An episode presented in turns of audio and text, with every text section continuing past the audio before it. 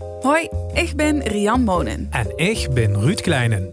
Dit is onze podcast Sofa Sessies. Onze gast neemt plaatje op Sing of Her eigen bank en loopt gans leeg. Vandaag met schrijfster Joyce Spijker.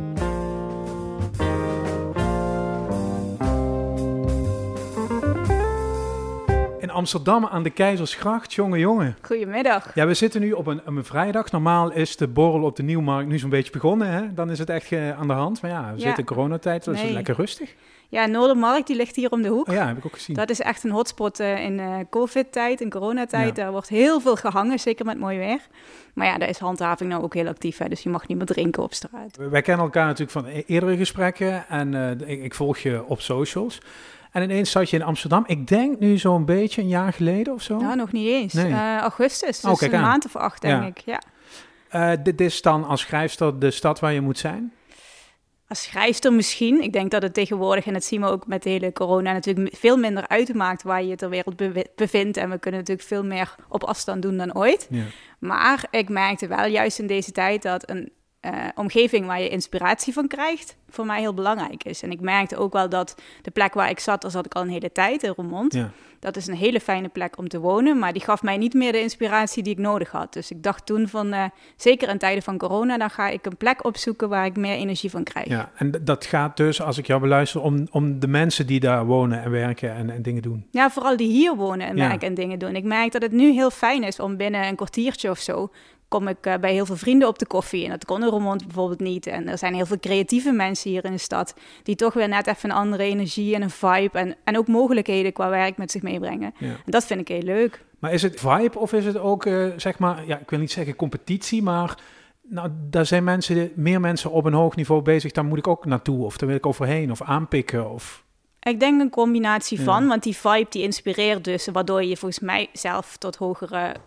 ja, achievements komt. Ja. hè. Ik- Je hoort mij ook wel Engels tussendoor praten inmiddels. Dat is hier ongeveer van de orde van de dag. Dus Tweede taal ja. Ja. het is wel een tweede taal, dus je, je vervalt daar ook best wel snel in. Nee, dus je, ik word dan wel ook zeg maar opgezweept door mensen die, eh, die mooie dingen maken. Ja, het is, maar het is meer collegialiteit, denk ik, dan concurrentie. Omdat je elkaar dus een beetje, is net als een virus, je steekt elkaar een beetje aan. Dus het is ook meer, er liggen volgens mij echt kansen op straat. Maar je moet wel op die straat lopen om ze te kunnen oppikken. Dus je moet wel in dat café normaal gesproken zijn of zo. Om eh, met iemand dat gesprek te hebben of Mhm. op die plek te zijn. En vanuit Limburg kan dat natuurlijk ook. En dat deed ik ook. Ik zat best vaak in de trein en kwam hier naartoe. Maar ik merkte ook wel dat de spontane ontmoetingen en de, de kleine stapjes... eventjes even nu in het Vondelpark een drankje met iemand doen... even een wandelingetje, een koffietje, spontaan... Mhm.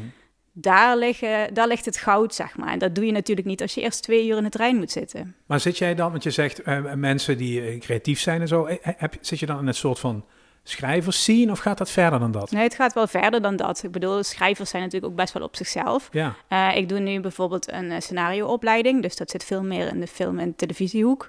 Eh, maar ook heel veel ondernemers bijvoorbeeld die op een bepaalde creatieve manier in het leven staan. Dus ik denk niet dat het echt een schrijvers eh, hotspot moet zijn of zo. En eh, ik spreek wel schrijvers, maar de meeste mensen die ik zie zijn toch veel ondernemerder in de creatieve sector. ja. Hey, even dan, eh, je- wilde hier ook naartoe? Was dat een soort van, van Ja, onvervulde was- droom Ja, of zo? het was een bucketlist ding. Ja? Eén keer in mijn leven aan de gracht wonen. En ik wist ook eigenlijk heel lang niet dat dat echt een bucketlist ding was. Ik heb het daar wel eh, met mijn man vrij lang over gehad. Zo van later als we groot zijn, weet je wel, dan Ja. gaan we dat doen. En dat, dat bleef maar verschuiven op een of andere manier. Dat kwam er nooit van. Maar dit was wel, ik, ik heb me altijd heel erg thuis gevoeld in deze stad. Ik vond het altijd heel leuk om er te zijn.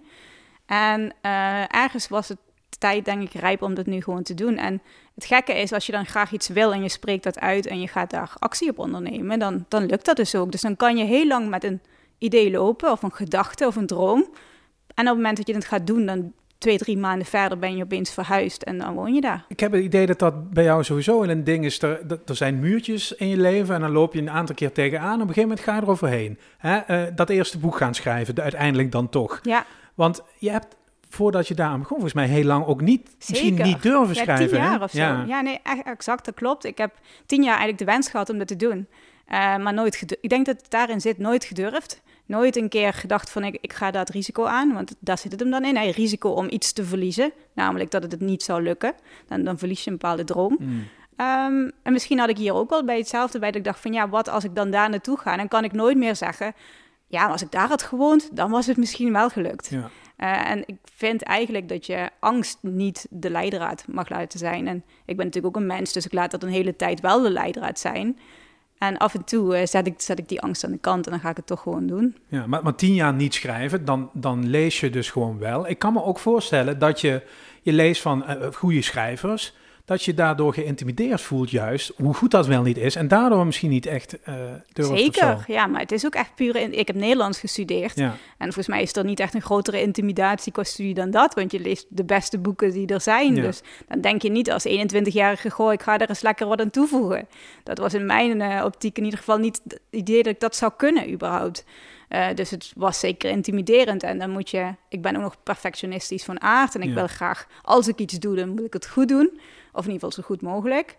Dus ja, ik moest echt wel over een drempel heen om het uiteindelijk toch te proberen. En dus ook te kunnen falen. Want dat is het risico als je iets probeert. Dan kan het ook wel eens misgaan. Ja, want, want wat was dan ineens de gedachtegang of zo? Of eh, misschien heb je daar wel hulp bij gehad om op die drempel in ieder geval te gaan staan, om eraan te beginnen. Met schrijven bedoel ja, je? Ja, na die tien echt, jaar. Daar heb ik echt wel hulp bij gehad. Want ja? het kwam uh, niet omdat ik de wens had en dacht ik durf niet, ik heb hulp nodig. Het kwam andersom.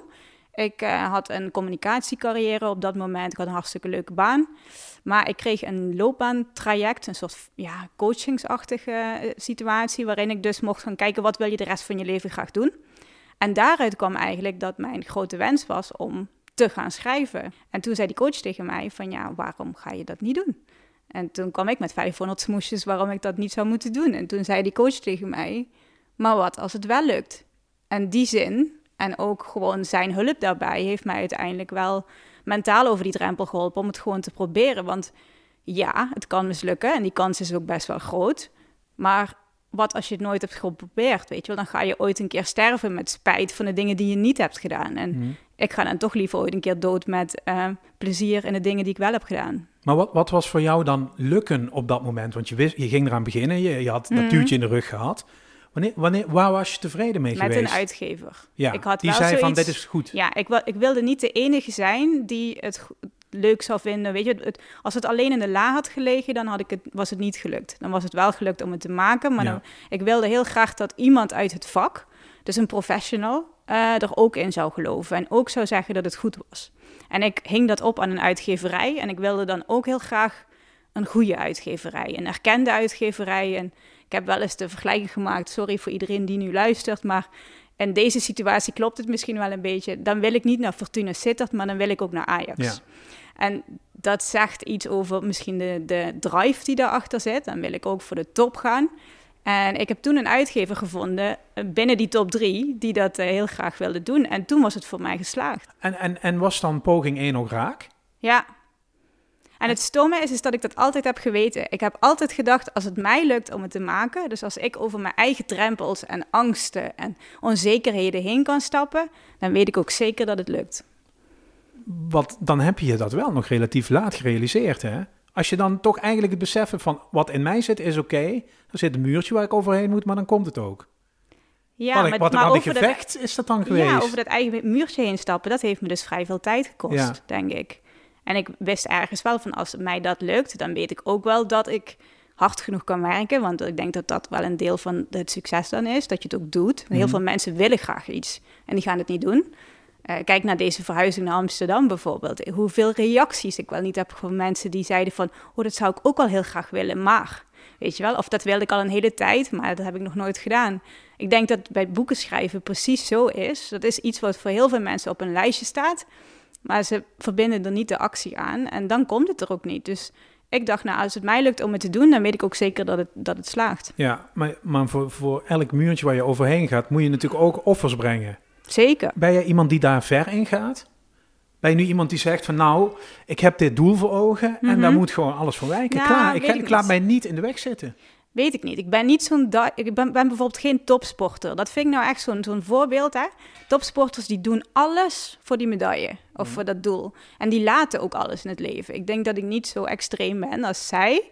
Eh, want ik vind ook gewoon belangrijk dat er meerdere elementen in mijn leven in balans zijn. Ik vind eh, carrière is absoluut iets wat ik interessant en leuk vind. Maar ik heb ook een privéleven. En ik vind het ook leuk om...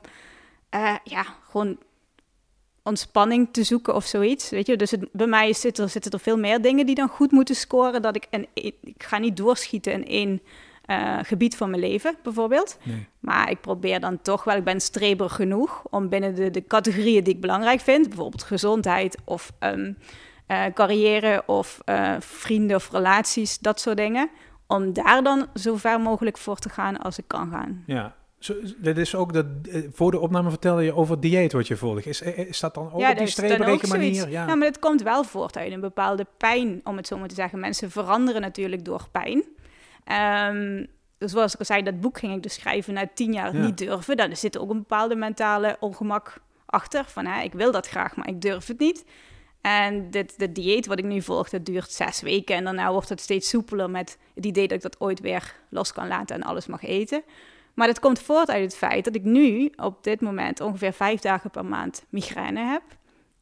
Niet kan werken, want ik kan niet lezen bijvoorbeeld. Dus en schrijven al helemaal niet. Uh, en ik ondervind daar echt behoorlijke hinder van. En toen dacht ik, nou, dan kan ik dat of accepteren. En denk, het is nou eenmaal zo. Die vijf dagen al doorstrepen? Ja, ja. ja dat heb ik heel lang gedaan. Want ja. ik dacht, ja, weet je, in mijn familie komt het ook vaker voor. En uh, ik heb het al zo lang. Of ik kan denk ik ga het helemaal onderzoeken. Ik wil weten of het niet beter kan. En dan ga ik ook echt uh, laboratorium testen en een heel traject. En echt alles binnenste buiten keren. Om te kijken van hoe kunnen we nou mijn gezondheid, die toch voor mij heel belangrijk is. Want ik ben nu 37 en ik wil als het even kan, nog wel een jaar of 60 mee of zo. Liefde en goede gezondheid. Ja. Uh, hoe kan ik dat optimaliseren? En ja, ik ben nu vrijgezel, dus ik, ik realiseerde me ook wel. Ik heb niemand meer om op terug te vallen. Als ik ziek word, en ik ben ook nog ZZP'er, heb ik wel een probleem. Dus mijn gezondheid is nu wel een topprioriteit voor mij. Maar helpt het? Ik bedoel, je, je zat dan met die migraine. Is dit nu, heb je de, het gevoel dat je de goede weg staat? Nou, ik ben een week drie, hè. Dus, ja, uh, als, maar je zou dus, als, als die zes goed, weken ja, erop zitten, heb je resultaat? Het, het plan is dat, dat binnen zes weken zou ik sowieso resultaat moeten hebben. En uh, binnen drie maanden zou ik eigenlijk het ultieme resultaat moeten hebben. Dus dan zouden alle klachten die ik had, waaronder die migraine, zouden dan weg moeten zijn. Uh, en nu nog niet. Ik ben pas drie weken bezig. Dus uh, mijn Burgondische inborst die is nog steeds heel erg zoekende naar wat mag ik dan wel eten en wat dan allemaal niet. Dus ik vind het nu nog wel lastig. Maar ik ben wel heel erg gemotiveerd om voor dat resultaat te gaan. En ik denk wel dat als het slaagt, ja, dan is het het grootste cadeautje wat ik mezelf kan geven. Dan, wat is nou twee of drie maanden op een mensenleven als je daarna klachtenvrij gewoon kan functioneren? Nee, nee, zeker. Schrik je wel eens van je eigen streperigheid? Zeker. Ja? Ja, dat is natuurlijk iets dat, dat hoort bij je. En als je jong bent, denk ik, dan doe je maar. -huh. En uiteindelijk ga je dat realiseren. Of, of zie je dat mensen daar op een bepaalde manier op reageren. Ik kan me ook voorstellen dat je dan weer een beetje in schulp kruipt. Juist daarmee. Met het doorzetten ja. van die plannen. En, uh... Ja, het kan ook. Het is denk ik vooral vermoeiend voor mezelf soms. Ja. Ook voor mijn omgeving. Want die denkt, oh god, wat moet ze nu weer? Weet je, het, is nooit, het voelt dan als nooit genoeg. Nee. Er komt steeds weer wat nieuws. En van de andere kant ben ik ook wel eens bang geweest dat ik het zou kwijtraken. Omdat het me ook heel erg veel gebracht heeft. Het is natuurlijk een dunne lijn tussen wanneer is iets, uh, werkt het voor je? Hè, wanneer duwt het je vooruit? Wanneer helpt het je? Wanneer is het nog prettig? En wanneer sla je door en wanneer wordt het te veel? En heb je er last van of heeft je omgeving er last van? En ik denk wat ik de afgelopen jaren steeds beter hoop ik probeer te leren, maar waarvan ik me ook wel weet dat het nog wel even duurt voordat ik dat geleerd heb, is die balans bewaken en zorgen dat je aan de goede kant blijft. Dus dat het wel in je voordeel. Want het is ook wel een fijne eigenschap om te hebben. Want ja, ik, ik hoef niet bang te worden dat ik ooit lusteloos uh, op een strand nee. beland en niks meer uitvoer. Want dat gaat toch niet gebeuren. Het werkt voor en tegen je. Maar is dat misschien ook juist lekker aan Amsterdam? Dat er wat meer strepels rondlopen relatief? Ja, ik moet wel zeggen dat ik voel meer herkenbaarheid hier. Ik voel me minder een vreemde eend in de bijt dan ik me misschien ooit wel gevoeld heb. Ja. Is, is eigenlijk alles een plan bij jou, uh, Joyce? Volgens mij ben je een enorme conceptdenker. Ja, ik ben wel een conceptdenker, ja. Ik ben ook wel van de planning, ik ben ook wel van de lijstjes. Dus in dat opzicht heb je wel gelijk. Nou ja, wat ik zo knap vind... Kijk, als ik een boek zou schrijven... dan was ik er, als het boek er was, klaar mee. Uh -huh. Maar voor jou is dat pas een derde van de rit, volgens mij. Ah, nog niet eens een derde, nee. een honderdste misschien ja. wel. Ja, weet je wat het is? Dat heeft misschien meer te maken met ambities dan met plan. Want ik weet ook wel dat kijk naar afgelopen jaar. Alles in mijn leven is veranderd. En voor iedereen is alles veranderd door COVID. Dus je kan plannen maken tot je ons weegt. Maar de realiteit is natuurlijk ook wel weerbarstig daarin. Maar als je grote ambities hebt, dan is het wel handig om stapjes te zetten daar naartoe. En dat, dat houdt mij ook wel levend. Dat vind ik leuk om te doen. Ja, Maar nou, wat ik ermee bedoel is, dat je hebt op dat verhaal gevroed en Ja. uiteindelijk staat het op papier en er zijn drie mensen met een rode pen nog overheen, weet ik veel hoe ja, het werkt. nou nog wel meer. Ja, precies. Ja. En dan is dat boek de presentatie, je drinkt een glaasje met bubbels en dan, en, en dan moet het nog aan de man gebracht. Ja. Maar dan zou het bij mij zo werken dat in mijn hoofd is het verhaal afgesloten, ben ik er helemaal klaar mee. Ja, wil dan- ik door naar wat Maar dan nieuws. is het de vraag wat je verhaal is. Kijk, ik zie dat als een soort Lego-steentje van mijn grote verhaal. Dus dat, dat ene boek is een klein stapje in de richting van waar ik ooit wil eindigen. Dus heel veel mensen zeiden ook wel eens tegen mij van... Ja, maar jij bent, bent er al. Jij hebt al een boek uitgebracht. Mhm. Of je hebt al eh, eh, lezers die het fijn vinden. En soms moet ik mezelf dat ook realiseren dat dat echt een voorrecht is. En, en dat ik daar ook trots op mag zijn en Ja. tevreden over mag zijn. Maar ik denk dat, ja, maar ik ben nog niet eens begonnen. Jongens, ik heb nog zoveel te melden. Er zijn nog zoveel dingen die ik graag wil doen. Ja. Dus het is hooguit volgens mij een, een mooie bladzijde in het boek, dat boek. Maar het is niet eh, het eindwoord. Nee. Absoluut niet. Dus, dus je hebt er dan ook geen moeite mee om, om dat boek dat er ligt nog, nou ja, laat ik zeggen, nog drie kwart jaar of nog veel langer te, te, te moeten verkopen. Als in interviews erover doen, aanschuiven daar, tekenen, signeren, Nee. ik weet het niet. Nee, tuurlijk. Kijk, het is wel dat op het moment dat het eh, boek echt in de winkel ligt en gelezen wordt, dan is het niet meer alleen van jou. Hè? Dus en dan moet je het echt gaan delen met de wereld. Maar dat vind ik ook een voorrecht, want dan kan je het er dus over hebben alsof het echt bestaat. Dus dat is alleen maar leuk om te doen. Eh, jezelf verkopen of je boek verkopen is iets wat volgens mij geen enkele auteur makkelijk afgaat en wat we allemaal moeilijk vinden. Ehm, en natuurlijk vind ik bijvoorbeeld nu mijn eerste boek, wat zeven jaar geleden is uitgebracht, ga ik niet met heel veel passie verkopen. Want ik vind dat nu niet meer het beste wat ik te bieden heb. Maar eh, het onderwerp van mijn laatste boek vind ik nog steeds relevant een jaar later. Het is echt niet zo dat ik nu denk, nou, dit boek is niks meer waard. En het jezelf verkopen, dat is het uiteindelijk een beetje. Ja, Heb, je- heb je dat moeten leren of heeft dat Moet altijd wel in je nee, gezeten? Nou ja, je doet dat best wel met overtuiging, vind ik. Nou ja, het is heel grappig, want ik heb dus voor dit weekend echt op de planning staan om dat eens fatsoenlijk te gaan aanpakken. Want ik heb heel veel plannetjes en ideetjes. Ehm, maar ik vind zelf dat dat dus ook nog heel veel beter zou moeten ook. Ehm, en nee, het gaat me niet gemakkelijk af. Nee. Maar ik vind wel Maar waar zit de winst dat het dan nodig is. Waar zit de winst dan nog voor jou? Nou ja, bijvoorbeeld om een bepaald verhaal te vertellen. Ik bedoel, mijn vak is natuurlijk storytelling. Ja. Een verhaal vertellen, een coherent verhaal wat, wat handen en voeten heeft. En als ik dan kijk naar mijn carrière tot nu toe, ehm, is dat een soort mozaïekverhaal met allemaal verschillende dingetjes die zeker met elkaar te maken hebben. Maar de opbouw daarin en ook naar de komende jaren, denk ik, ja, er mag wel iets meer lijn in en iets meer... ehm, een vastere thematiek bijvoorbeeld, waar mensen je aan kunnen herkennen. Als je het dan hebt over jezelf verkopen Ja, ja, waar moet je mij van herkennen? Weet je, ik vind van alles leuk en dat zie je ook terug in mijn werk. ja. Eh, iets meer vastigheid daarin zou misschien wel helpen. Maar dan ben je zelf ook weer in een soort keurslijf. Aan het en- duwen, Waar ja. je misschien niet meer het- is een beetje het zwiebertje effect. Precies, eh, ja. En ik vind mezelf altijd, ik hou van openheid en open-mindedheid en alles kunnen proberen. Dus dat, dat stuit me dan ook tegen de borst Ja. en daarom heb ik het ook zo lang tegengehouden. En van de andere kant denk ik, ja, weet je, misschien kan ik wel een keurslijf dan voor mezelf creëren, wat toch breed genoeg is eh, om alles wat ik graag eh, wil en belangrijk vind in te kunnen doen. Maar wat wel bijvoorbeeld helpt bij de media, dus bij jullie, om mij ergens te categoriseren. Want dat is dan toch wat mensen heel graag willen. Je op een bepaalde manier in een hokje zetten. En het hoeft niet negatief te zijn. Het is ook een bepaalde manier van herkenning. En ik denk dat ik daar wel wat meer aan mag werken. Denk, denk je dat je, ehm, laat ik zeggen, misschien dat risico bijna hebt gelopen door dat boek over de liefde te Zeker, maken? ja. Want dan denken mensen volgens mij, Waar ja, komt maar dit dit, vandaan? hallo, hey.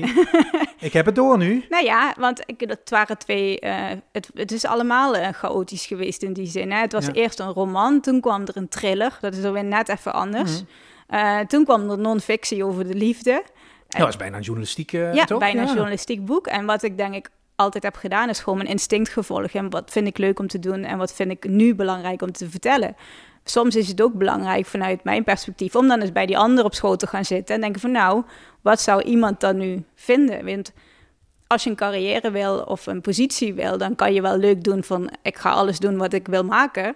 Maar dan is het meer een hobby. Ja. Dus het is ook goed, denk ik, vanuit een loopbaanachtig perspectief om er iets meer, eh, meer lijn in te brengen. Maar van de andere kant, ik heb van niks spijt gehad. Ik heb het allemaal met heel veel plezier kunnen doen. Maar jij was ineens in de media een beetje de, de Dr. Love, zeg maar. Je was de ja, dat vond, maar dat en- vond ik ook heel ongemakkelijk. Want ik heb dat vanuit een eigen ehm, interesse gemaakt. Weet Ja. je? Ook als eigen zoektocht eigenlijk. Zo van hoe zit dat dan en hoe doen mensen dit?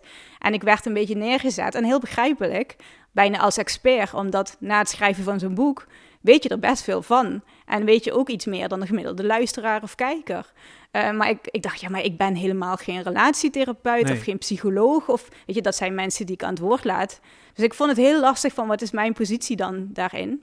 En dat is wel iets waar ik eh, de komende tijd, als ik meer non-fictie zou willen maken, wel echt naar moet gaan kijken Ja. van wat doe ik dan. Is dat boek, ik bedoel, je bent nu vrijgezel, zeg je net, Mhm. hè? Is dat boek een soort, is dat onderweg, heeft dat dingen in werking gezet bij jou? Nee, dat je toch een ander leven leidde of zo? Nee, nee, want ik had al best een, een open-minded leven. En ik Ja. denk dat het eigenlijk eerder andersom is. Dat het boek voortgekomen is uit mijn eigen levensstijl al, die ik een groot deel had. Maar wa- was het dan, je vond jezelf raar en je ging eens kijken of er nog meer rare mensen waren of zo? Nee, nou, ik denk heel erg, en dat is dan misschien ook wel waarom het boek goed werkt. Ik, Ja. zat heel erg ertussenin. Ik had eh, in principe voor de buitenwereld een heel normaal bestaan. Hè? Gewoon één man, eh, al heel lang. Eh, was behoorlijk gelukkig. Ehm, maar ik had, was ook nieuwsgierig. En ik wilde ook wel weten hoe andere dingen werkten en hoe dat dan zat. En ik ging ook op onderzoek uit. Dus ik ben nooit de echte outlaw of, of rebel geweest die het allemaal anders deed. En die er één grote ja, feest van maakte. Zover ben ik nooit gegaan. Van de andere kant was ik ook niet zo standaard als je misschien zou denken nu achteraf als je dat boek gelezen hebt. Dus ik denk dat ik ja, misschien wel een goede middenweg heb gehad en dat dat ook aansluit bij de lezer nu. Ja. Kun je het eigenlijk goed vrijgezel zijn? Ik bedoel, je, je was man. zo lang samen. Oh, hou op, ik Ja. vind het dramatisch. Ik weet gewoon niet hoe dit moet. Nou ja, ik, dan- ik kan me voorstellen, eh, je bent schrijfster, dan, dan, dan kun je volgens mij alleen zijn. Ja, dat is iets anders. Hè? Ik, kan, ik, kan, ik vind het heerlijk om alleen te wonen. En natuurlijk, ik heb ook eh, in het afgelopen jaar... want je hebt ook verdriet, hè. Er is natuurlijk ook een relatie van 19 jaar is, eh, Ja, is gesneuveld. is gesneuveld. Ja. Dus ondanks dat het een, een, een gezamenlijke goede keuze was... is het toch iets waar je heel erg aan moet wennen en wat je ook mist. Ehm, dus ik heb ook voor het eerst momenten van eenzaamheid gekend... en gedacht van, hoe, hoe moet ik dat nou doen? Maar het alleen zijn op zich gaat me heel goed af, vind ik heel erg leuk. Maar wat ik heel lastig vind, is dat je dan nu geacht wordt... of misschien wel zou willen gaan daten. En jezus, hoe moet dat, man? Ik, heb, ben, ik ben twintig jaar niet op date Dus je geweest. bent even weer 16 nu. Nou, echt? Ja. Ja, en ik vind het ook doodeng. En ik denk dan, hoe ga ik dat dan doen? En, en eergisteren vroeg er een jongen op straat eh, mijn telefoonnummer. Toen ik aan het wandelen was met een vriendin. Hele leuke gast verder, hartstikke spontaan. Nou ja, of die mijn nummer mocht. En dan weet ik gewoon niet wat ik moet zeggen. Check mijn website. Ja, nou, dat zou wel heel erg arrogant klinken. Ja, nou ja. Nee, maar ik dacht wel echt, ja, hoe leg ik dit nou uit? Ja, ja, de scheidingspapieren worden nog net getekend. Het klinkt allemaal heel ingewikkeld. En ben ik hier dan wel, sta ik hier open voor of niet? En ja, ik moet heel erg wennen aan die nieuwe rol. Vinden mannen jou eigenlijk leuker dan vrouwen? Want jij profileert je vrij... Ik vind dat jij je vrouwelijk profileert op, op, eh, op de socials. Ik kan me voorstellen dat het ook wel wat, wat, wat weerstand opwekt, met name bij vrouwen, denk ik. Ja, Oeh. jaloezie dus Oh, eigenlijk dat gewoon is een hele ijskoud. goeie. Krijg je wel eens vervelende... Nee, maar ik moet wel eerlijk zeggen, misschien zeggen ze dat dan niet. Hè. Dat kan natuurlijk ook. Want vrouwen zijn in dat opzicht niet per se heel uitgesproken. Dus misschien als dat er zou zijn dat ze het niet zeggen. Nou ja, je bent wel een vrouw, wat zij, of zij, waar veel mensen tegenop zullen kijken. Die zet die stappen gewoon, die doet wat ze goed in is, komt ervoor uit. En ze, weet je wel, Ja, dat ik is snap wel wat toch wel bedoelt. zelfvertrouwen. Ja, misschien. Maar, Ja. maar ook omdat ik misschien, tenminste dat hoop ik dan, eh, ook laat zien dat er ook een andere kant is die wel met onzekerheid te maken heeft en dat ik ook maar wat doe. Dus ik hoop dat er een beetje een mix in zit tussen ga het wel doen, weet je wel, en probeer je eigen dromen te leven, maar ik ben ook een mens en ik heb ook een andere kant en soms weet ik het ook allemaal niet. Ik hoop dat dat die vrouwen in ieder geval ook wel laat zien dat er twee kanten van de medaille zijn. Dus Ja. als je het hebt over online, offline bijvoorbeeld, ja, dat zijn, zijn niet twee verschillende personen, maar iedereen heeft een, een mooiere kant of een succesvollere kant en een onzekere kant of een minder succesvolle. En ja, ik zou het fijn vinden als ik een totaalblaadje kan laten zien. Dat kan natuurlijk nooit. Maar misschien, misschien ben jij krijg je wel wel... hele andere reacties. Nou, als je het zo zegt, bijvoorbeeld de mannen die geven veel meer complimenten. Ja, En die complimenten gaan meestal niet over mijn boek. nee. En dan eh, zit je ergens in de zon en met een leuke zonnebril en dan vinden ze dat prachtig. Dan vinden ze het met name de selfies dan toch, eh, toch wel leuk. En ik vind dat hele fijne complimenten, want ik bedoel, hè, da- dan is mijn dag ook meteen een stuk gezelliger. En de vrouwen zijn meer wat inhoudelijk of het zijn meer de dingen die je doet. Dus, en dat vind ik ook mooie complimenten. En natuurlijk, ja, er zal ook wel eens een keer iets tussen zitten wat minder aardig is. Maar ik moet eerlijk zeggen, oh ja, of ze doen het niet, of het valt heel erg mee. Maar jij bent je heel erg bewust volgens mij van het verschil tussen de persoon die nu op de bank zit en de persoon die wij zien op die socials. Ja, ik, Jij hebt dat verschil dat heel in- erg door. Ik vind dat interessant. Ik weet niet eens of ik het door heb, want ik weet natuurlijk niet wat jullie denken. En dan heb ik het jullie alsof dat één groep Nee, is. Dat is natuurlijk snap ook onzin. Eh, maar ik vind het wel interessant om te zien hoe dat dan blijkbaar werkt of zo. Want ik krijg natuurlijk wel soms vragen terug of zo. Mensen zijn gelukkig, voelen zich comfortabel genoeg. Misschien ook wel door het Ruimte voor Liefde boek hoor. Om, om van alles aan mij te vragen. En ik ben... Ik geef ook heel veel antwoorden over mezelf, maar soms vragen ze ook advies of zoiets. En dat Ja. vind ik dan heel grappig. Eh, en, en een eer dat ze dat eigenlijk doen. Maar soms is het ook wel echt zoeken van, eh, ja, wat is dan blijkbaar hun beeld van mij? Dat het dan toch anders is dan ik had gedacht dat het zou zijn. Maar, maar heb je daar dan scheid aan dat mensen soms alleen op die socials afgaan en denken: dit is het?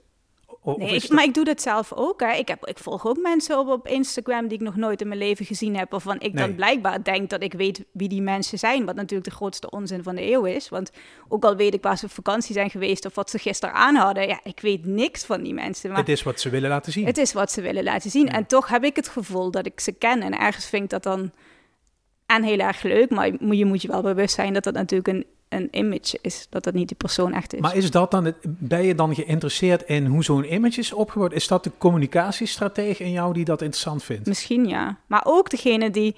Ik, ik hou ook heel erg van eh, techniek en van deze tijd en van gedrag. En wat doen die dingen eh, met elkaar? Dus waarom reageren we nu anders? Of bijvoorbeeld vorige week had een vriendin van mij, en dat is een, een heel mooi meisje. Die had een filter gebruikt op Instagram. Waarvan ze zei: Oh, goh, die, die filter kan me wel bevallen. Weet je misschien ga ik die wel vaker gebruiken. Ik dacht, nou, ze ziet er toch heel normaal uit. Ik, ik ken haar zo. Dan zal het wel een subtiele filter zijn. Dus vervolgens pakte ik die filter en paste hem op mezelf toe. En ik schrok me echt wezenloos. Ik dacht echt, wie is dat? Ik herken die persoon. Het zag er goed uit hoor. Maar ik, ik, herken gewoon die persoon niet. plastic. Ja, en niet eens op een lelijke manier, maar wel dat je echt dacht, maar dit, dit, ik zou mezelf niet op die manier zien. Dus ik heb toen een foto van mezelf gemaakt zonder filter en eentje met die filter. En ik dacht, als ik ooit nog eens op het idee kom om iets aan mezelf te veranderen, hè, want je, leeft in een samenleving waarin iedereen zich plat en lippen laat doen en weet ik het wat. En dan kom je zelf ook wel eens op zo'n moment dat je denkt, ja, misschien moet ik daar ook maar eens, eh, ik word ook ouder, misschien moet ik daar ook maar eens naar kijken. Toen dacht ik, nou, dan moet ik wel even terugkijken naar die foto, want ik vind het wel belangrijk dat we de mooiste versie van onszelf laten zien en niet van iemand anders.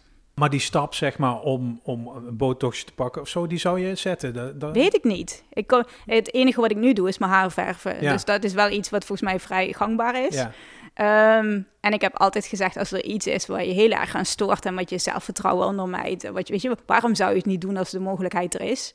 Ik heb nooit het gevoel gehad dat ik dat had moeten doen, tot nu toe. Maar ja, wie weet, over een paar jaar is er iets waarvan ik denk, ja, had ik dan, misschien is het, komt het moment dichterbij. En ik vind dat ook niet een taboe of zo. Ik bedoel, Nee. als je dat fijn vindt. Alleen het is wel een, een slippery slope die je afgaat. En ja, er zijn wel mensen die, eh, die daar best wel in doorschieten en dat zelf niet eens doorhebben natuurlijk. Ook door dit soort filters, hè, want we zien het iedere dag. We vinden het heel normaal. Ja, en wat als je over tien jaar jezelf in de spiegel niet meer herkent? Ja, daar wil ik dan toch liever niet naartoe. Hey, zie jij iets eh, in een eh, soort, soort rolmodelfunctie voor vrouwen of zo? Ben, ben- je ermee bezig van, ik wil aan vooral vrouwen laten zien hoe je een beetje door het leven zou kunnen wandelen? Mm, Of misschien wel mensen? Misschien hebben vrouwen Ja. het wel harder nodig, ik weet niet. nou, weet niet of vrouwen het harder nodig hebben. Ik Ja, hoe denk dat- je daarover? Ik denk dat vrouwen zich tot nu toe, maar de tijd verandert heel snel, hè, zich daar meer bewust van waren. En dat mannen dat nu ook steeds meer worden, van hè, hoe kom ik over? Of, ehm, we, komen denk ik steeds meer in een soort vrouwen-gedomineerde wereld, terwijl we vanuit een mannen-gedomineerde wereld kwamen. Je ziet heel erg die shift daarin. Eh, dus ik vind het wel interessant wat dat met ons doet en hoe we daarop reageren. En ja, een voorbeeld zijn wil ik niet zeggen, maar ik heb wel. Het zou heel leuk zijn als mensen door de manier hoe ik dingen aanpak geïnspireerd worden om het op hun manier te doen. Maar dat is toch ook zo, Joyce? Jij wordt toch benaderd door, door vrouwen die, die jouw werk hebben gelezen of die zien jou bezig. En die, die, die komen toch op jou af, zou ik maar zeggen. Die melden zich. Nou ja, wat ik met mijn werk wil doen, als je het is misschien zo, want je, je gooit het nu op de persoon en dat voelt dan misschien een beetje ongemakkelijk. Maar wat ik met mijn werk wil bereiken is dat ik mensen wel wil inspireren en een soort ander perspectief wil laten zien. Zo van, hè, zo kan het ook. Door dit soort verhalen kan je er ook op een andere manier mee kijken en dan wordt jouw eigen blikveld breder en zou je misschien wel een paar stappen zetten die je anders niet zou doen. En ik snap dat dat misschien doorwerkt door mijn eigen keuzes. Want eh, zoiets simpels als deze verhuizing bijvoorbeeld. Ik heb nog nooit zoveel reacties gehad. Mannen zeiden allemaal eh, tegen mijn man, gaat het wel goed? En vrouwen zeiden allemaal tegen mij, eh, dat wil ik ook. Ja. Dus je ziet wat daar de reacties dan op zijn. En die hebben dan een grotere impact dan ik misschien had verwacht. Maar het is wel een lijn met wat ik met mijn werk wil. Dus uiteindelijk is het leuk als het dat effect heeft. En of dat dan komt door een Instagram-post of iets wat ik zeg in een podcast. Ja. Of door het verhaal wat ik heb geschreven. Ja, dat is dan allebei mooi.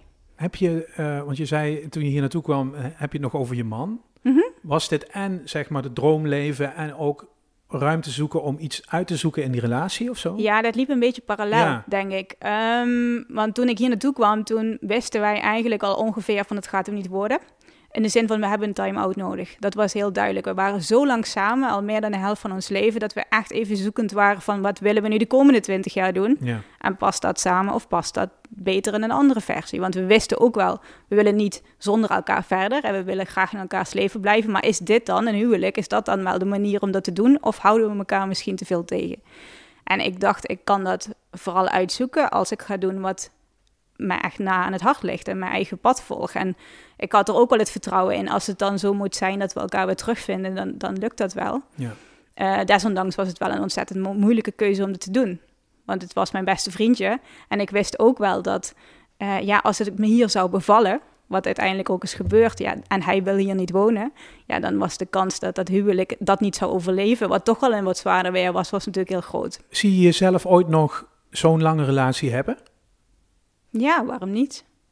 Ja, weet ik niet. Ik sta open voor alle varianten. Ik bedoel, ik heb natuurlijk ook wel geleerd dat, laten we het zo zeggen, ik vind kwaliteit belangrijker dan kwantiteit in de zin van lengte of zo. Ja. Ik, ik zoek niet een partner voor het leven. Ik zoek op dit moment helemaal geen partner overigens, maar het is ook niet dat ik nu denk, ja, dan moet ik nu weer iemand hebben waar ik wel eh 80 mee word. Maar dat romantische idee van iemand heel goed leren kennen. En zolang je elkaar wat te brengen hebt en iets te leren hebt en je voegt iets toe aan elkaars leven, is dat een heel groot cadeautje. En ik denk dat mijn man en ik hebben echt elkaar heel veel mogen geven in, in al die jaren. En dat was echt fantastisch. En we hebben nu de kans om dat op, met iemand anders weer verder uit te bouwen. Ja. Jij staat volgens mij best wel veel aan. Je bent bezig en je denkt conceptueel, daar hebben we het net al over gehad. Moet jij eh, trucjes toepassen, zeg maar, om, om dingen los te laten? Om te relaxen. Ja, om, weet ik veel, moet je twee glazen wijn drinken, yoga, ik eh, noem dat soort dingen? Ja. Nou, ik drink geen alcohol, Nee. nog steeds niet. ik was een hele early adapter volgens mij, want inmiddels is dat eh, niet meer zo gek. Maar de- vroeger heb ik me nou altijd enorm voor moeten verantwoorden dat ik niet dronk. Want ja, dat is natuurlijk ongezellig. Ja, ik moet wel dingen doen om, om uit te- gaan, uit mijn hoofd uit te zetten. En ik ben daar ook niet heel goed in, moet ik eerlijk zeggen. Wat heel erg helpt voor mij zijn ehm, afspraken met vriendinnen, kletsen met vriendinnen, ook over hun dingetjes en zo. Dus gewoon mensen die dichtbij je staan en waar je waar je je fijn bij voelt. Lange wandelingen. Ik probeer te mediteren, maar heel eerlijk, Je dat bent er niet zo goed in. is niet echt. Ik, ik ben heel vasthoudend dat ik dat toch heel Mhm. regelmatig doe, maar het is niet mijn kwaliteit. En toen het nog mocht hier in Amsterdam, heb je natuurlijk heel veel opties om te sporten. Ik vind sporten wel echt een manier om, om je hoofd even uit te zetten. Eh, dus nu, nu doe ik dat nog één of twee keer in de week, omdat er heel weinig lessen zijn die buiten door mogen gaan. Maar toen heb ik bijvoorbeeld wel weer yoga geprobeerd. eh, en ja, sowieso probeer ik dat toch af en toe te doen. En van de andere kant leg ik me er ook bij neer dat, ja, dat het niet altijd dan lukt. En, en als het bijvoorbeeld een goede film is, als je weer naar het theater mag of naar de bioscoop, dat zijn wel dingen waar ik echt eh, even de wereld kan vergeten hoor. Ja. Moet je ook, eh, we hadden het over trucjes, dat klinkt misschien een beetje negatief. Moet je ook bepaalde stappen zetten op een dag om, om goed productief te schrijven? Een soort ochtendritueel. ja, want ik, nou, ik heb wel meer schrijvers Ja. geïnterviewd en mijn hele beeld van s'nachts bij kaarslicht met een fles ja, wijn. er zijn er die dat doen, maar niet maar zoveel. niet zoveel. Eh, eh, Herman, Nee. Herman Koch als voorbeeld, ja, dat is gewoon kantoorwerk. Ja, om negen uur, om negen uur beginnen. heel eh, en om één uur stopt hij ermee. Ja. En dan, eh, dan zien we het en wel. de rest van de dag gaat hij een beetje wandelen en wat inspiratie opdoen. Wat een heerlijk ritme is als je dat... eh, Hij heeft ook een paar boeken verkocht, dus ja, hij kan het hij, misschien hij zo heeft doen. daar wel wat tijd voor Ja. ook. En wat luxe om dat te, te Maar, als voorbeeld, dit, dit zijn eigenlijk bijna gewoon kantooruren, zeg maar. Ja, en het is ook een kwestie van bloed, zweet en tranen en gewoon het werk erin stoppen. Want je moet uiteindelijk wel gewoon daar zitten om te zorgen dat het er komt. En dat komt er niet uit als je, dat niet, als je het werk niet doet. Nee. Van de andere kant is ook dat een balans. En merk ik ook wel dat je de beste ideeën krijgt vaak als je niet achter die computer zit. Dus een combi van loslaten en aanzetten is daar ook wel echt belangrijk in. En ik merk wel dat mijn dag gewoon beter begint als ik bijvoorbeeld ochtends even een rondje loop. En dat kan een rondje van 10 minuten zijn, maar dat een beetje beweging, dat helpt. En ehm, inderdaad, die stomme dingen als ritme en, en op tijd naar bed gaan en op tijd opstaan, helpt ook. Ik heb mezelf nooit een ochtendmens genoemd, maar als ik om 7 of om 8 uur begin met werken en ik ben om 2 uur klaar, uh, dan ben ik een stuk productiever dan wanneer ik om 10 uur begin, wat ik veel relaxter vind. Maar dan werk ik ook tot 10 uur s'avonds. En dat krijg je weer het probleem dat dat de kwaliteit van de rest van je leven niet heel erg positief beïnvloedt. Dus ja, het uh, helpt wel als je goed voor jezelf zorgt. Ik denk dat dat het is. Ben je wel eens met vriendinnen en opeens klikt er toch een soort verhaal in elkaar in je hoofd en ben je even weg? Ja. Dat die vriendin zegt, hallo. Nou ja, even weg niet, maar ik, ik, ben wel op dat... Daarom is het ook moeilijk om uit te staan, want je bent toch een spons.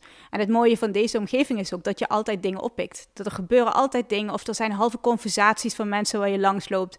Een of andere manier zijn dat flarden waar je niet nu, maar dan ooit iets mee kan of zo. Dus... Uh, het is dan niet dat ik dan uh, dat, dat, ze me echt erbij moeten betrekken, dat ik dan even weg ben. Zo, zo ver gaat het niet. Maar het is wel ja, het is een vruchtbare bodem die je dan legt, waar van alles in kan gezaaid worden. Wat, wat vind je zelf je grootste succes? Tot nu toe. Dat ik een gelukkig leven leid. en dat is van de andere kant een heel stom antwoord, vind ik, omdat ik ook vind dat ik alle mogelijkheden heb om een gelukkig leven te leiden. Ik uh, heb een gezond lichaam, ik ben uh, financieel in staat om op een leuke plek te wonen. Nou. En, en hè, ja, op een hele, ik, ik heb het wel getroffen, laat ik zo zeggen. Ik, ik, denk dat ik een hele grote toolbox heb meegekregen bij mijn geboorte en door mijn opvoeding en alles waar ik uit kan putten.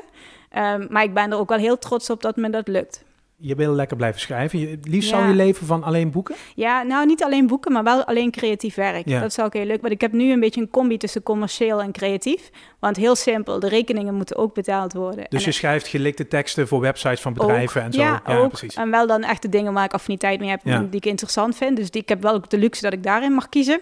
Maar ik, uh, ik, ik doe dus ook gewoon werk, werk. En, en het fijne daarvan is trouwens, ik benader dat wel creatief.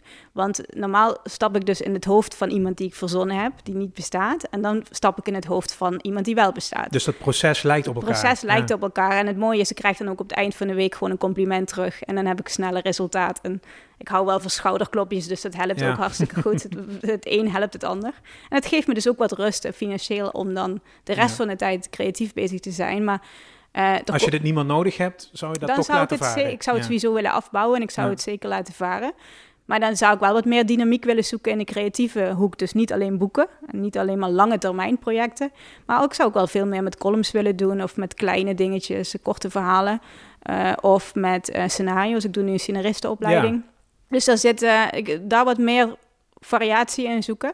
Lijkt me heel erg leuk. En maak je die, die opleiding dan af en dan ga je eens kijken wat je daarmee gaat doen? Of is daar ook alweer een plan? Nee, dat was andersom natuurlijk. Ik had al bedacht van ik wil dat, hoe ga ik dat even regelen? En in de tijd net voor uh, de corona kwam, had ik een beetje lopen netwerken en doen. En toen had ik opeens zeven projecten waar ik aan kon werken. Veel te veel ook, helemaal niet. En ook best wel uh, te hoog gegrepen, denk ik, voor wat ik toen kon. Uh, maar toen had ik heel veel opties, eigenlijk al betaalde opdrachten waar ik mee kon werken. En toen merkte ik, hé, hey, wacht even, uh, ik kan wel wat, maar dit is ook weer een ander vakgebied. En dan komt mijn perfectionisme toch bovendrijven. Als ik dit echt goed wil doen, dan wil ik ook bij het begin beginnen. Ja. Dan wil ik ook zorgen voor een goed fundament. En uh, ja, daar komen zeker dadelijk weer betaalde opdrachten uit. En dat vind ik ook heel fijn, want dan doe ik het ergens voor. Maar dan wil ik ook het werk erin stoppen om het echt goed te doen. Ja, ik zit nu, ik denk een half uurtje naar je te luisteren, misschien wat langer, maar Volgens mij kun je hier nooit meer weg, hè, Joyce? Uit Amsterdam. Ja, er zijn nog heel veel mooie plekken op de wereld. Dus dat wil ik niet zeggen. Maar voor Nederland zit ik denk ik echt op de plek waar ik niet thuis hoor. Dankjewel. Graag gedaan.